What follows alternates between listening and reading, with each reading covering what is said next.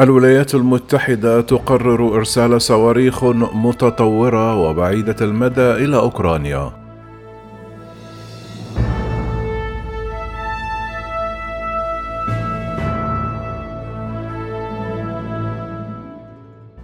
تستعد إدارة الرئيس الأمريكي جو بايدن لتكثيف نوع الأسلحة التي تقدمها لأوكرانيا من خلال إرسال أنظمة صاروخية متطورة بعيدة المدى والتي تعد الآن أكبر طلب من المسؤولين الأوكرانيين. تميل الإدارة نحو إرسال أنظمة كجزء من حزمة أكبر من المساعدات العسكرية والأمنية لأوكرانيا والتي يمكن الإعلان عنها في أقرب وقت من الأسبوع المقبل. كان الرئيس الأوكراني قد طلب يوم الخميس إرسال أنظمة إطلاق صواريخ متعددة إلى أوكرانيا في أقرب وقت ممكن لمنحها فرصة صد الهجوم الروسي في دونباس. قال زيلينسكي في خطابه الليلي المصور إلى الأمة نحن نكافح من أجل حصول أوكرانيا على كل الأسلحة اللازمة لتغيير طبيعة القتال والبدء في التحرك بشكل أسرع وبثقة أكبر في اتجاه طرد المحتلين.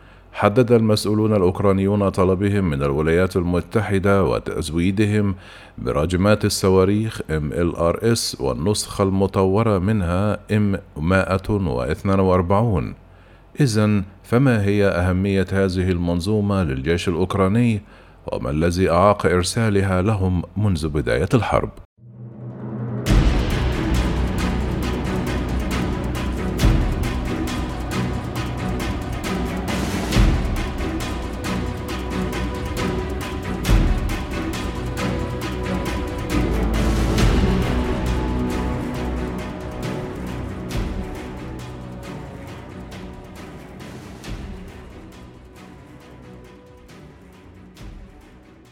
منظومة الأسلحة MLRS هي منظومة يدور حولها النقاش تتكون من قاذفات صواريخ توضع على المركبات مما يعطيها المزيد من المرونة في الحركة والمناورة والهروب.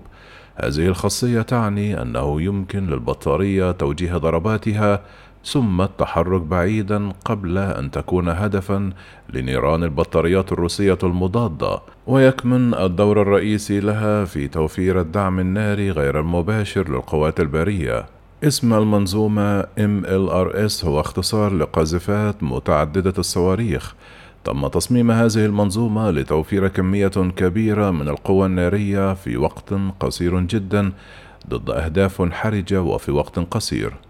أنتجت شركة لوكيت مارتن النسخة الأولى منها إم 270 لأول مرة في عام 1983 كانت الصواريخ حينها تصيب أهدافا على بعد 35 إلى 65 كيلومترا في حين يبلغ مدى الصواريخ الأكثر تطورا إلى 160 كيلومترا. أما النسخة الأكثر تقدما من المنظومة فهي إم 142 تم تطويرها في أواخر التسعينات ويمكن لصواريخها القياسية أن تصيب أهدافا على بعد 300 كيلومترا وهو مدى أكبر بكثير من دوافع الهاوتزر إم 777 والتي سلمتها أمريكا لأوكرانيا في الأسابيع الماضية ويصل مداها إلى 42 كيلومترا. هذه المنظومة تتكون من قاذفة إم 270 محملة ب 12 صاروخا في جرابين. تتميز هذه المنظومة بدقة تسويب آلية عالية ويمكن لطاقم المنظومة المكون من ثلاثة أفراد فقط أي السائق والمدفعي والمشرف. إطلاق ما يصل إلى 12 صاروخا في أقل من 60 ثانية دون مغادرة السيارة. لماذا تكرر أوكرانيا المطالبة بها؟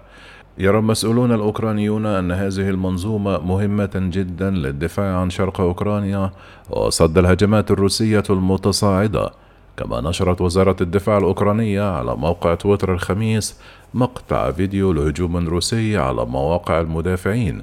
قالت أوكرانيا مستعدة للرد وللقيام بذلك نحتاج إلى منظومة MLRS على الفور. قال أولكسندر ميريزكو رئيس لجنة الشؤون الخارجية بالبرلمان الأوكراني لمجلة نيوزويك تستخدم روسيا الآن المدفعية على نطاق واسع وبلا رحمة. لمواجهة هذا نحن بحاجة إلى صواريخ MLRS لإنقاذ حياة جنودنا ومدنينا. وستسمح هذه المنظومة للأوكرانيين باستهداف المزيد من بطاريات المدفعية الروسية والمهاجمين في نطاقات أطول كما ستساعدهم في استهداف خطوط وطرق الإمداد الروسية مما سيؤدي إلى تعطيل الهجوم. كما أكد أن هذه الصواريخ سوف تساعد كييف في فك الحصار الروسي على موانئها في البحر الأسود واستهداف مواقع صواريخ كروز الروسية التي تطلق من شبه جزيرة القرم.